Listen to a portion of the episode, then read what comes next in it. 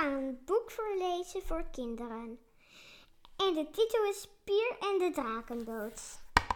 Ik zeg welke er allemaal meespelen in het verhaal.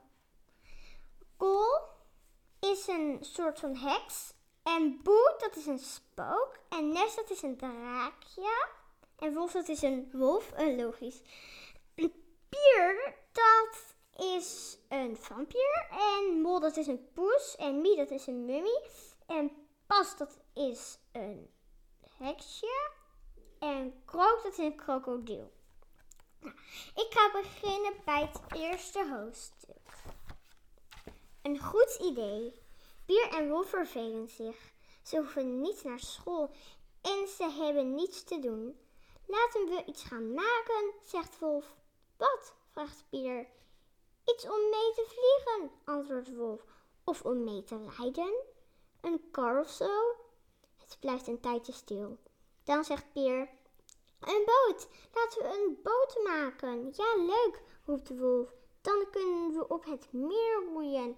Maar geen gewone boot. Ik wil een drakenboot, zegt Pier. Wolf lacht. En hoe noemen we die boot dan? Nes? Draker, antwoordt Pier heel serieus. Goed, zegt Wolf. Draker, dat klinkt mooi. We hebben planken nodig en spijkers. En een zaag natuurlijk. Wolf wil meteen aan de slag. Wacht even. Pier. Wacht even, Pier. Wacht even, zegt Pier. Het is vast heel moeilijk om van, om van planken een boot te maken. Hadden we maar een grote bak dan konden we die gebruiken. Of een oude badkuip, zegt Wolf. Laten we op de spullenstort gaan kijken. Wie weet is daar iets.